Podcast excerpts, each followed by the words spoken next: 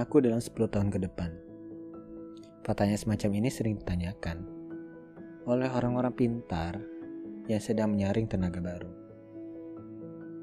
Dan aku yakin sebagian besar dari mereka menjawab dengan jawaban diplomatik. Tetapi, bagaimana jika aku menjawab secara harfiah, tidak diplomatik?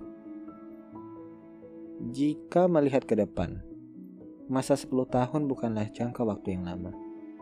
10 tahun yang lalu, aku bahkan tidak menyangka jika akhirnya berakhir di tempatku sekarang ini. Jadi, jika aku harus menjawab, di mana aku 10 tahun ke depan? Jawabanku adalah aku tidak tahu. Aku akan bebaskan ke mana pun kakiku melangkah. Untuk terus mengambil pilihan sebelum tahu bagaimana ujungnya. Untuk terus merasa penasaran. Untuk terus merasa baru.